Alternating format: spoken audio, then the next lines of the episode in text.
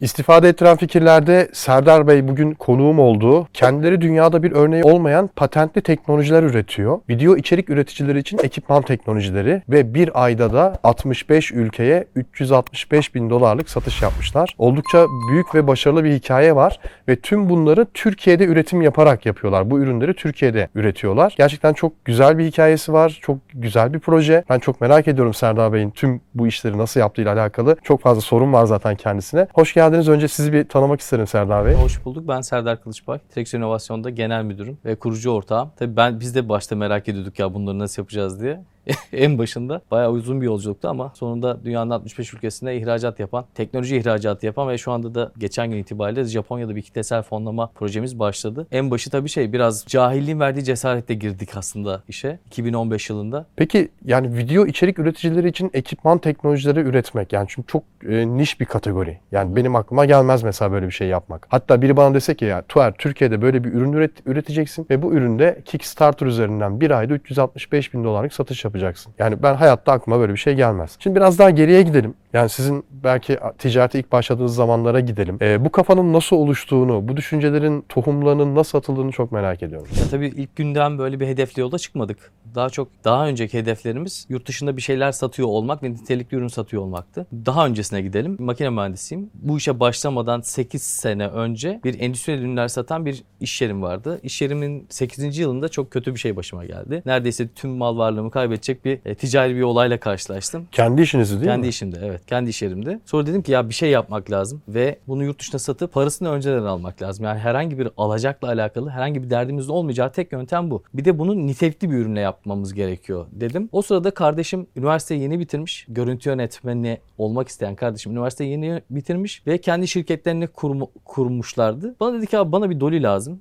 Dedim Dolly nedir? Dolly raylı bir mekanizma. Görüntü yönetmenlerinin üstüne oturuyorlar ve birileri de çekiyor. Dedim ben bunu yaparım ama ticari olarak bir şey düşünmemiştim aslında. Ee, bunu 3 3 ay sonunda hiç böyle ticari düşünmeyerek yaptım. Verdim sonra bununla bir canlı yayına katıldık. YouTube'un canlı yayınına katıldık. Altın elbiseli adam vardı. Allah rahmet eylesin. Onun canlı yayınına katıldık ve ya bu çok güzel abi dedi ama çok büyük. Bunu böyle daha küçük yapabilir miyiz dedi. 2 senedir gimballer üretiliyordu dünyada. Gimbal büyük bir hedef aslında bakarsanız. Yani hani yapabilir miyiz? Nasıl yaparız? İçinde elektronik var, mekanik var. Ben çocukluğumda ilkokul 5'te flip flop devre elemanlarıyla devreler yapan birisiydim. Yani çocukluğumdan beri elektroniğe ve programlamaya merakım vardı. Oradan küçük küçük bilgileri bir araya getirerek yapabileceğimizi düşündüm. Tabii baştaki bunun fizibilitesi, karlılık hesapları şu anda öğrendiğimiz bilgilere göre çok yanlışmış ama eğer çok biliyor olsaydık da belki o noktadan başlamayacaktık. Dolayısıyla baktık ham madde fiyatlarına, satış fiyatlarına baktık. Dedik ki bu olabilir. Sonra ARGE çalışmaları başladı. SolidWorks'ta çizimler yapıldı. Çin'e gönderildi. Dedik ki biz bunların motorlarını istiyoruz sizden. Çin'de bir üretim hedefimiz yoktu ama motorları üretmediğimiz için istiyoruz. Bir fiyat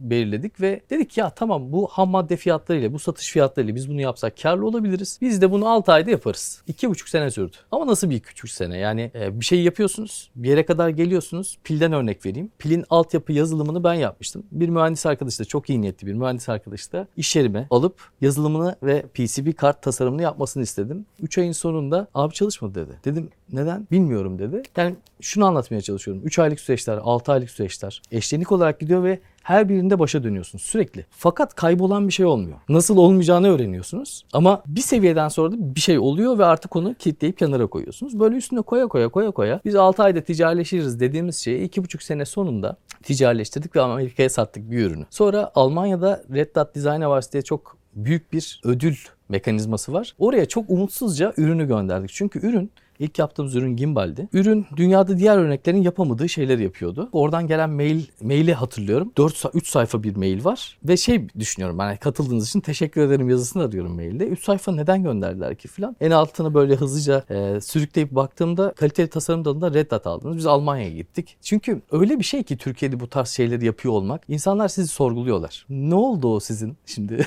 Sanayide şöyle bir şey var işte. Bir şeyle uğraşıyorsunuz deli gibi. Ben günde 16 saat, 17 saat. Rutinimdi yani. 16 saat çalışıyorum. Çünkü çok deneyip çok yanılmam gerekiyordu. Onu böyle günde 8 saatte yapamazsınız. İnsanlar da neyi yap ve sonuçlarını çok hızlı görmedikleri için doğru bir şey demişsiniz değil misiniz anlayamıyorlar. Ne zaman ki Almanya'dan ödül alıyorsunuz tebrikler ben zaten biliyordum senin bunu kazanacağını diyorlar ama iş öyle değil gerçekten yani. Gerçekten çok yanılmanız gerekiyor ve bizden önce bu yolda yürüyen çok insan olmadığı için de gidip kapılarını çalamıyoruz. Yani çünkü o kendine özel bir problem. O kendine özel bir problemle haşır neşir olmuş insan sayısı da çok az. Böyle aslında ilk ürün ticarileştikten sonra biz Amerika'da fuara gittik. Orada insanlara tanıttık. Ee, sonra şunu anladık. Yani ürünün kendi kafamızdaki o mükemmel özelliklerinin müşteri tarafındaki yansımaları işe başlangıç noktasında işe karar verirken daha önemli olduğunu anladık. Yani size göre çok iyi bir fikrin aslında müşteri tarafında ne kadar iyi olduğunu T0 anında değerlendirirseniz doğru bir noktadan yola başlarsınız. Biz fuara gittiğimizde şunu gördük. Ürün çok güzel. Satın almak istiyorlar. Ürün özelinde konuşacağım. Büyük bir ürün üretiyorsunuz. Yerinde servis gerekiyor. İşte büyük bir ürün üretiyorsunuz ve çok fazla ücreti var, satış fiyatı var. Ve siz orada değilsiniz. Amerika'da değilsiniz. Şimdi bunlar hepsi dış pazarlarda soru işaretleri. İlk önce bu soru işaretlerini çözen bir kurgu yapmalısınız veya elinizde ürün varsa o ürüne göre hareket etmelisiniz. Biz şöyle bir yol izledik. Kitlesel fonlamayı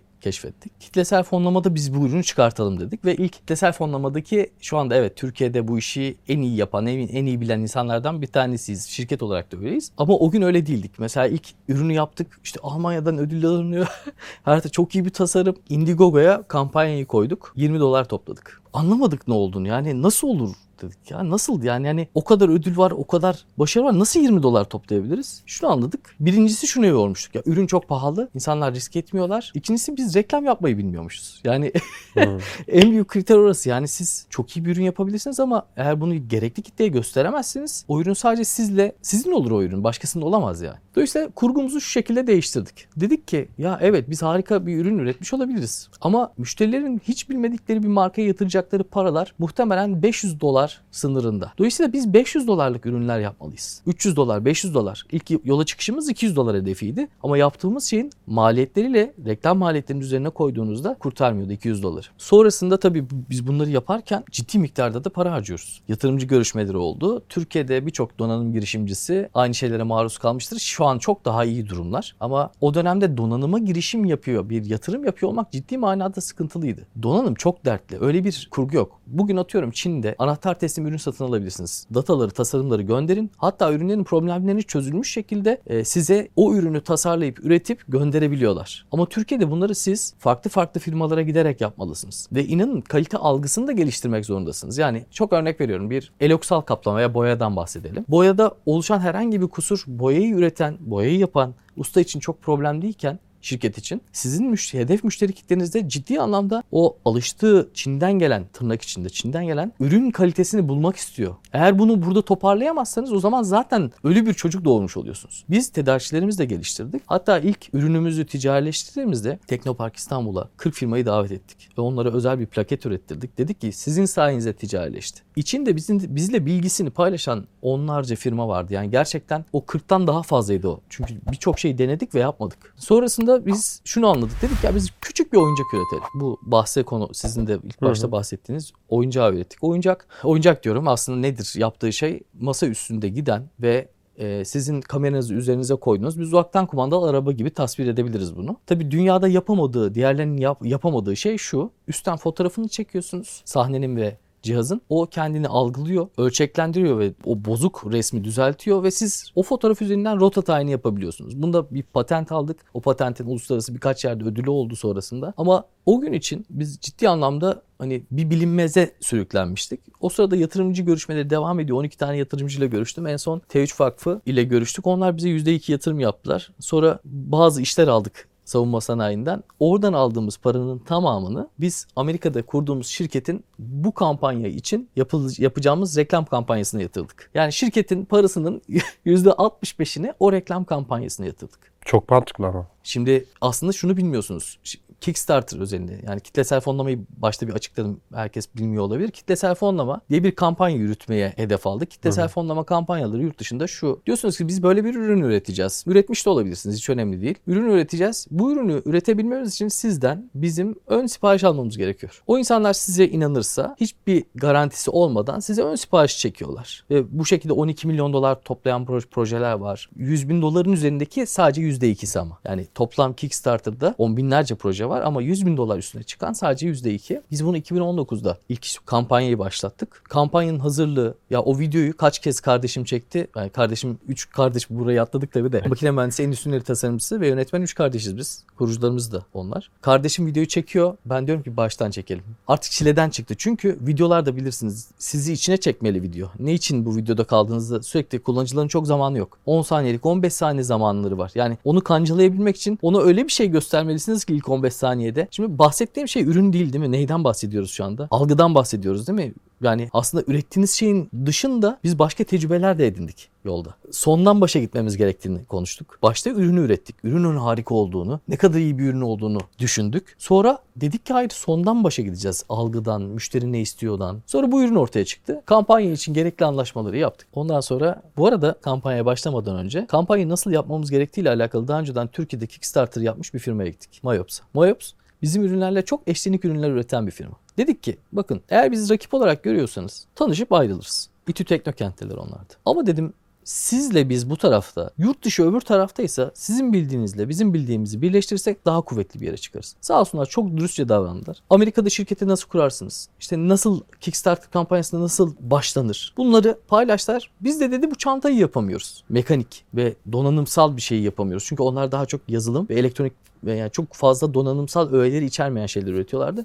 Biz elinden tuttuk. Bunların hepsini bizim tedarikçilerimize gezdirdik neye ihtiyaçları varsa. Onlar da bize bu işin nasıl yapıldığını anlattılar. Kampanya başladı ilk gün. Biz kampanyayı işte videoları çektik. Tekrar tekrar oh dedik bu içimize sindi. Ondan sonra videoyu yayınladık. İlk gün bekliyoruz. İlk 24 saat içinde 100 bin dolar sınırını geçtik. Ya o bizim için çok büyük bir kırılımdı. Bir de Japonya'dan inanılmaz bir şey talep gördük. Biz akşam olunca Japonya bayrağı koyuyorduk şeye.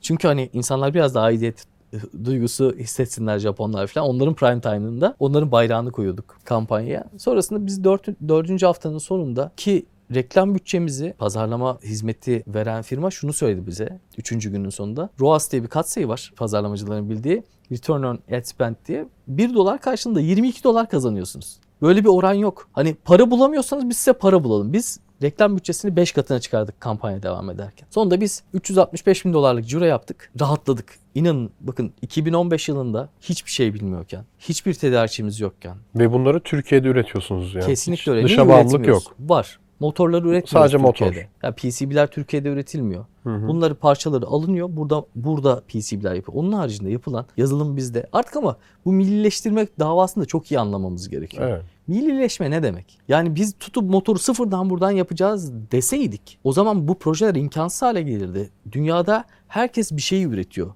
Şu an Boeing uçağına bakın üreticisi kendi içinde yok. On binlerce tedarikçisi var. Biz ürünün katma değerini burada bırakıyoruz. Zaten ürünün satış fiyatının belki dışarıdan aldığımız kalemleri %5'ini geçmez. Dışarıdan aldığımız kalemleri. Ama bu inanın %20'si de olsa, %30 da olsa eğer marka Türkiye'deyse, eğer yazılım Türkiye'deyse, katma değer Türkiye'deyse bunun hiçbir anlamı yok. Ya biz bu yerlileşme ve millileşme şeyini çok fiziksel algılıyoruz. Onun için Bence katma değer neredeyse o oranın yerlisidir. Biz 60'a yakın tedarikçimizle şu anda yeni ürünlerimizin tamamını Türkiye'de üretiyoruz. Yani şunu yapmadık hiç kolayına kaçıp ya bunu Çinli bir firmaya verelim.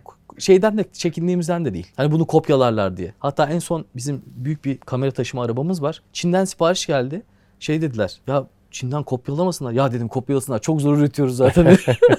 Daha ucuz alırız belki onlardan. Peki 365 bin doları bir ayda Kickstarter'dan Evet. yaptınız. 65 ülkeye satış yapılıyor Evet. şu an. Kickstarter'dan çıktıktan sonra e, satışlar nereden devam ediyor? Kendi sitemizden devam etti. Hı hı. Ee, kendi sitemizden devam ettirmeye çalıştık. Orası başka bir Şey, zaten şey. Trexo.com mu? Hangi? Trexoin.com. Oradan devam etti. Amazon tarafına baktık. Amazon tarafında kötü bir tecrübemiz oldu maalesef. Bir aracımız vardı. Amazon Store'unu ya işte bizim zaten genelde başımıza gelen kötü şeylerden sonra onların yüzünden hep iyi şeyleri yapmaya başlıyoruz. Hep öyle oldu. Amerika'da bir aracımız vardı. Dediler ki biz Amazon kendi store'umuzda sizin ürünlerinizi satacağız. Ürünleri bize gönderin. Satmaya da başladık. Biz reklam verip onlara ürün sattırdık. Ortadan kayboldular. Sonra dedik ki biz Amerika Amerika'da kendi store'umuzu açmalıyız Amazon'da. Ha, Amazon danışmanlığı veren firma kayboldu. Anladım. anladım. O firma E, kayboldu. ke- kendiniz açsaydınız mağazanızı. Ya öyle de tabii şimdi şöyle bir durum var içeride. Bunu iyi anlamak lazım. Birçok şeyi organize ediyoruz. Bir bir bizim şirkette bir fikir ortaya konuluyor. Fikir prototipe dönüyor. Prototip seri imalat yöntemleriyle, kalıplarıyla üretilmeye başlanıyor. Tüm üretim altyapısı kontrol ediliyor. Şimdi sizin ilgilendiğiniz alan başka. Ben yönetimsel olarak kim bir işte uzmansa o işi ona verip o tarafta asıl uzmanlık alanı olan yerde ilerlemeyi hedefliyorum. Çünkü kontrol edemezsiniz. Dolayısıyla bu tarz işlerde şimdi Am- Amazon'u baştan öğren. Ee, baştan orada bir yer aç. Onun işte kendi içindeki dinamikleri öğren. Bunlar kolay şeyler değiller. Evet bugün yapabiliyoruz ama bunlar T0 anında girişmeniz gereken şeyler değil. Çünkü odağınızı kaybedersiniz. Bizim odağımız bir şeyi iyi üretip onu göndermek. Yani iyi üretmekten kastım şu. Bir ilk ürünümüz Trexo Wheels 350 parçadan oluşuyor. 25 tedarikçisi var o ürünün. İçeride Evet şu gördüğüm kadar parça. büyük ürün değil Hayır, mi? hayır, hayır, Ha, şu kadar. bahsediyoruz tamam. 350 parça 25 tedarikçi var. Ve her bir ürün çıkmadan önce full fonksiyon testine tabi tutuluyor. Ee, 1400 özür dilerim 1000 üründen 20 tane geri dönüşümüz oldu. Biz de onları replace ettik. Hemen yani yenisini gönderdik. Şunu yapmadık. Hani o işte oranın cıvatasını sıkın. Yenisini gönderdik müşterilerimize. Dolayısıyla o tarafta nerede uzmanlığınız varsa bunu yavaş yavaş genişletmeniz gerekiyor. Bir anda olmuyor. Evet bugün şimdi Amerika Amazon'da varız. Prime'da. Almanya'da. Şimdi açtık Avrupa'da. Türkiye'de varız. Ama bunların hepsi zaman aldı. Yani T0 anında olmadı. Ve sosyal medya, Facebook, Instagram tarafından reklamları öğrenmek de başlı başına bir üniversiteydi. Yani ben şirket yönetiminde ARGE tarafındaki işleri o Kickstarter kampanyasından sonra ekibi büyütüp kendi yaptığım işleri onlara delege edip uzaktan bakarak evet şu an ne yapması lazım? Satış. Satış için ne gerekiyor? Facebook, Instagram reklamı. Ya bunlar nasıl çalışıyor? Onları anlayıp çünkü Bilmediğiniz şey yönetemiyorsunuz da. Bugün Facebook'a bugün 1 dolar harcayıp yarın 10 dolar harcayalım diyemiyorsunuz. Bir reklam öğrenmesi var, işin dinamikleri var. Burada da bayağı bir zaman geçirdik. Yani biz baştan uca bir fikri fikir aşamasından alıp ürüne ve bunun dünyaya dağıtımıyla alakalı çok küçük bir ekiple çok başarılı bir iş yaptık. Onu sonrasında bu aslında biraz böyle gerilla taktiği gibi. Normalde pazarlama bütçeleri çok büyük rakipleriniz. Dolayısıyla siz markette görünür olmak için ne yapmanız gerekiyor? Ya çok yüksek pazarlama bütçeleri harcamanız gerekiyor. Bu söylediğim seviyeler milyon dolar seviyeleri. Çünkü hani reklamınızın gösterilmesi için gerekli o bazı pazarlarda çok ciddi bütçeler gerekiyor. Tıklama başı maliyetler inanılmaz yüksek. Onun için kitlesel fonlama bu anlamda çok mantıklı. 33 milyon tekil kullanıcının girdiği bir yerde sizin ürününüz gösteriliyor. Oradan bir tetiklenme ile ön sipariş alıyorsunuz. Her şey çok net. Kaç ürün göndereceksiniz, kaç tane ürün üreteceksiniz. Her şey planlanabilir ve zamanınız var ve paranız da var. Dolayısıyla biz bunları öğrendikten sonra bu arada bizden sonra gelen insanlar da bize ulaştıkça biz onlara destek olmaya çalıştık zamanım yettiğince. Şimdi bazı mentörlük faaliyetleri var Bilişim Vadisi'nde onlarda üyeyim. Yani çünkü inanın birçok insanın ne bunu yapabilecek zamanı ne de bunu yapabilecek gücü. Fiziksel gücü ve mental gücü. Ben 16 saat çalıştım. Yani 6 sene 7 sene boyunca 16 saat çalıştım. Çünkü dediğim gibi çok deneyip çok yanılmak zorundaydım. Sonrasında da biz ikinci projeyi yaptık. İkinci projede yine kamera ekipmanlarıyla alakalı bir slider'dı. Onda da kampanya döneminde 211 bin dolar. Şeyleri almadık kargoları. Kargo paralarını sonradan aldık. Kampanya bitiminden sonra da bir 40 bin dolarlık daha sipariş aldık 4 hafta içinde. Yani her ürettiğiniz üründe o zaman siz e, bir ayda ortalama 250-300 bin dolar Kickstarter'dan Evet. satış yapıyorsunuz Evet. neredeyse. Yani bir ciro Aşağı elde yukarı. ediyoruz ve o ciro hemen hesabımıza geçiyor. Sonrasında biz harcamaları yapıyoruz. Tabii buradaki kesintileri, reklam giderleri, üründe o döneme göre mesela Evet. pandemi ciddi anlamda reklamdaki rekabeti ve harcanan paraları çok arttırdı. İlkine göre daha daha düşük bir verimlilikle biz bu 250 bin doları aldık. Çünkü reklama daha fazla harcamak zorundasınız görünür olmak için. Pandemi bu mesela kriterde global anlamda işte resesyondan bahsediliyor şimdi. Bunlar hepsi kriter. İnsanların para harcama alışkanlıkları değişiyor. Ama her projede bunu yapıyoruz. Senede iki tane proje. Şu an iki ay sonra çıkmayı hedeflediğimiz bir ürünümüz var. Kickstarter'ın yapısına daha şimdi şimdilik gizli ama Kickstarter'ın yapısına çok daha uygun ve çok daha temelde çok daha yüksek cirolar edeceğini öngördüğümüz bir ürünle çıkacağız. Ama genel olarak her sene bir tane Kickstarter yapıyoruz. Bu Kickstarter üzerinde alıcının yani para verip bir ürün alan alıcının motivasyonu, düşüncesi ne oluyor? Yani ürünü ilk çıkan, ilk çıktıktan sonra ben almış olacağım ya da ucuza alacağım motivasyonu mu yoksa Ucuzluk bir değil şey mi? bence. Bunu net olarak e, benim anlayabilmem çok mümkün aldı değil ama benim anladığım şu. Dünya genelini düşün. Şimdi Türkiye Evet. Dünyanın içinde ticari olarak da küçük bir yerdeyiz yani. Dünyanın Hı hı. genelini düşünürsek Amerika var, Avrupa var, Evet. Japonya var, uz- uzak doğu var. Burada alım gücü belli bir seviyenin üstünde insanlar var. Bu insanlar yeniliklerin peşinde koşuyorlar. Diyorlar ki ya bugün ne var acaba? Bugün ne alabilirim acaba? Beğeniyorlar. Avantajları ne oluyor? Tabii ki biz normaldeki satış fiyatımızın %40 aşağısında ön sipariş açıyoruz. Ürünleri. Bu bir avantaj. Ama diyoruz ki 3 ay sonra ya paranızı bize vereceksiniz. Size 3 ay sonra göndereceğiz. 4 ay sonra göndereceğiz. Evet. Mesela Türkiye'de böyle bir kültür yok. Bunun en iyi örneğini biz bayağı yerde röportaj yaptık. Bayağı bizim sektörde böyle mihenk taşı olan insanlar bizle alakalı görüşler. Türkiye'den 12 tane sipariş aldık. 12 tanesinin 3 tanesi tanıdıktı.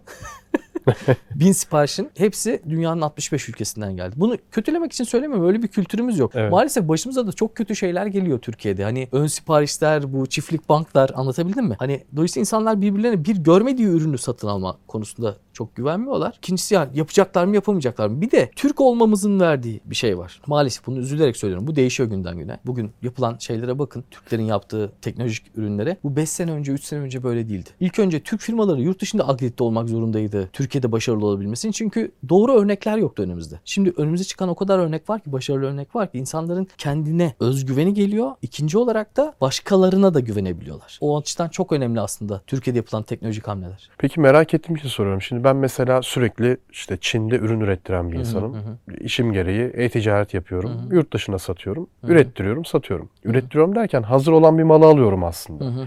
Yani gidip de bu tableti sıfırdan tasarlatmıyorum. Hı. Ama bazen de diyorum ki kişiye bana bunun board tasarımını, PCB board tasarımını gönder. Ben bunu bir mühendise yeniden dizayn ettireyim. Kalıbı da AutoCAD'de tasarlatayım. Sen bunu yapar mısın? Kalıp ve board'u hani birleştirir misin? Yaparım diyor Çinli. Tamam. Tasarımı yaptırdım PC bo- board tasarımını. İşte burada bir tane Type-C girişi değil de 3 tane Type-C girişi koyduran minik revizyonlar. Böyle çok büyük icatlar değil. Mevcut e, board'u revize etmekten bahsediyorum. Tabii kalıp değişiyor. Yani bunun burada bir tane Type-C girişi varsa 3 tane Type-C girişi oldu. Kalıp değişmiş oldu. Neyse kalıbı üretiyor. Tasarlattığım PCB board tasarımını da buna entegre ediyor. Ürün olarak bana bunu teslim ediyor. Şimdi ben bunu alıp Kickstarter'da sunabilir miyim? Aslında sunabilirsiniz farklılık olursa ama her kitlesel fonlama platformunun bazı kısıtları var. Bazısı diyor ki başka bir yerde çıkmamış olması lazım ürün. Çıkmayacak. İlk defa ben yaptım. Bunu, bunu yapabilirsiniz. Ama asıl oradaki mevzu o ürünün eşsizliğinden ziyade onu bir o kadar da önemli. Onu nasıl sunduğunuz, o videoyu nasıl çektiğiniz. Ama ürün o kadar iyidir ki bazen. Mesela örneği var Copyright. Ben Hı hı. çok beğenmiştim bana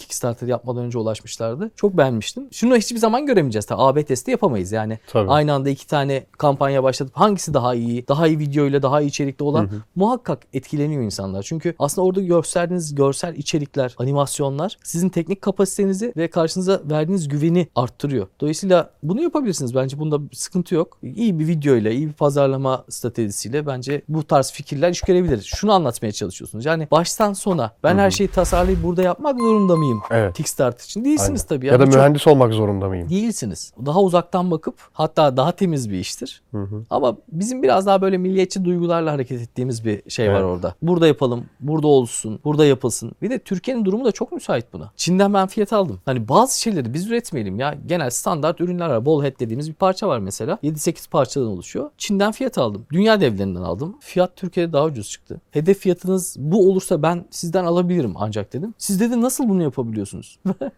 doların TL karşısındaki değerini gösterdim. Bizim üretim hatlarının fotoğraflarını gönderdim. Tabii inanma, inanmama ihtimali için bunu gönderdim. Hani çünkü biz bunu burada gerçekten yapabiliyoruz. Sonra da açıklamasını da yaptım. Hani karşı tarafa biz bunu ürettik bakın bu böyle oldu. Yapa- Evet. Yapabiliyoruz. Türkiye'de üretmek de mantıklı. Ama o tarafta tabii anahtar teslim çözüm sunan firma yok. O olmayınca ve o güveni veren firma ol- o bilinlik olmayınca da ben nereye gideceğim diyor. Ben şimdi biliyorum mesela çantanın bir şeyini ürettirmek için sizi bir yere göndersem dersiniz ki ya burada acaba bizim böbreği çalarlar mı? Anlatabiliyor muyum? Yani o kadar dağınık ki bilgi. Onları bir araya getirmek herkesin zamanını karşılayabileceği bir şey olmayabilir belki. Haklısınız yani. O kurgu çok daha mantıklı olabilir. Çünkü niye? Hani e, insanlar merak edecek. Ya tamam ben böyle bir şey izliyorum. İşte Trexo başarmışlar, yapmışlar. Hı hı. İşte kişi mühendis. Muhtemelen ortakları da mühendistir. Bir, belli bir donanıma sahip. Belli bir kültüre, belli bir yani bi- bilgiye sahip insanlar. Bilmeyen kişi bu, bu işi nasıl yapacak? Ya ben kendime örnek vereyim. Ben bir tane tasarım yaptırdım. Mühendis değilim. Ya Photoshop kullanıyorum öyle söyleyeyim. Hani Hı hı. ufak tefek tasarımları yapıyorum ama yine şey değilim. AutoCAD'den mesela hiçbir şeyden anlamam. Bir tane mühendis buldum. Dedim bunu yapar mısın? Board tasarımı. Yaparım. Ha bunu da nereden öğrendim? Çinli'ye sordum. Çin dedim ki ya dedim buna şurasına şöyle bir düğme ekleyelim. Şurasına şöyle bir şey ekleyelim. Şurada şöyle bir şey çıksın. Bunu nasıl yaparız? dedim. Ben dedi yapamam. Ben sana tasarımı veririm board tasarımını. Sen bunu birine yaptır. Kalıbı da al.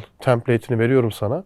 Bunu da revizyonunu yaptır. Bana getir. Ben bunu üretirim. Kalıp için 500 dolar alırım. Board'un tasarımı için işte 1200 dolar alırım. Hı hı. Toplam Toplam 1700 dolar masrafın olur ekstradan bonus. Bir de ürün başına zaten işte 9 dolar alıyor. Toplamda işte 5000 dolara ben bu malı sana kapına koyarım dedi. Hazırlarım. Ha dedim iyi güzel. Yaptırdım. Yani board tasarımına 3000 lira verdim. Kalıp tasarımına yine aynı kişi ekstra bedel almadı zaten. 3000 liraya bu işi çözdüm baktığınız zaman. E, mühendis değilim. Bu işi bilmiyorum. Olmanız da gerekmiyor. Birçok örneği var. Yaptım Zaten yani. Amerika'daki Hayal ettim sadece. Fikir önemli olan Amerika'daki birçok Kickstarter projesi zaten dünyanın genel ahlakı o. Fikir. Evet. Bir tarafta üretim Çin'de. Çin sabit sadece fikirlerinin yeri Evet. değişiyor. Orada üretiliyor ve geliyor. Bizim buradaki kurgumuz biraz daha böyle elimizin altında olsun üretim. Pandemi olduğunda ulaşamadı kimse üretim alanlarına. Evet. Ama bizimki hiç aksamadı çünkü hepsi buradaydı. Tüm kalıplarımız buradaydı. Ne zaman pandemi olacak falan düşünebilir insanlar ama buradaki ekosistemi de geliştirmek lazım. İşletmeci mantığına bakarsanız sizin söylediğiniz çok daha mantıklı. Ama hamade tedarikin güvence altına alınması konusuna bakarsanız bu taraf mantıklı olabilir. Farklı disiplinlerde iş yapabilmenizi sağlar. Biz de bu yöntemi kullanabiliriz bu arada. Bizim tedarikçilerimiz gerçekten bizim kendi makinelerimiz olsa o kadar hızlı işlem alamayacağımız işleri o hızda yapıyorlar. Ama kendi teknik kapasiteleri var. Bu aşıldığı zaman bizim de başvurabileceğimiz yöntemler olabilir. Önemli olan ticaretin burada yönetilip yurt dışına götürülebiliyor olması bence. Kesinlikle. Bir de sizin gibi yani Trexo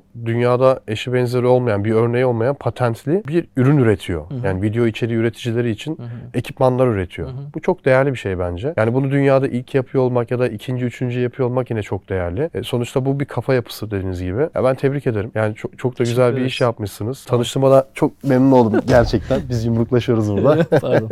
çok da memnun oldum. E, yakından takip edeceğim bundan sonra. İnşallah gelecekte çok çok daha iyi yerlere Bir gidersiniz. fikriniz gelirse artık bize de gelebilirsiniz.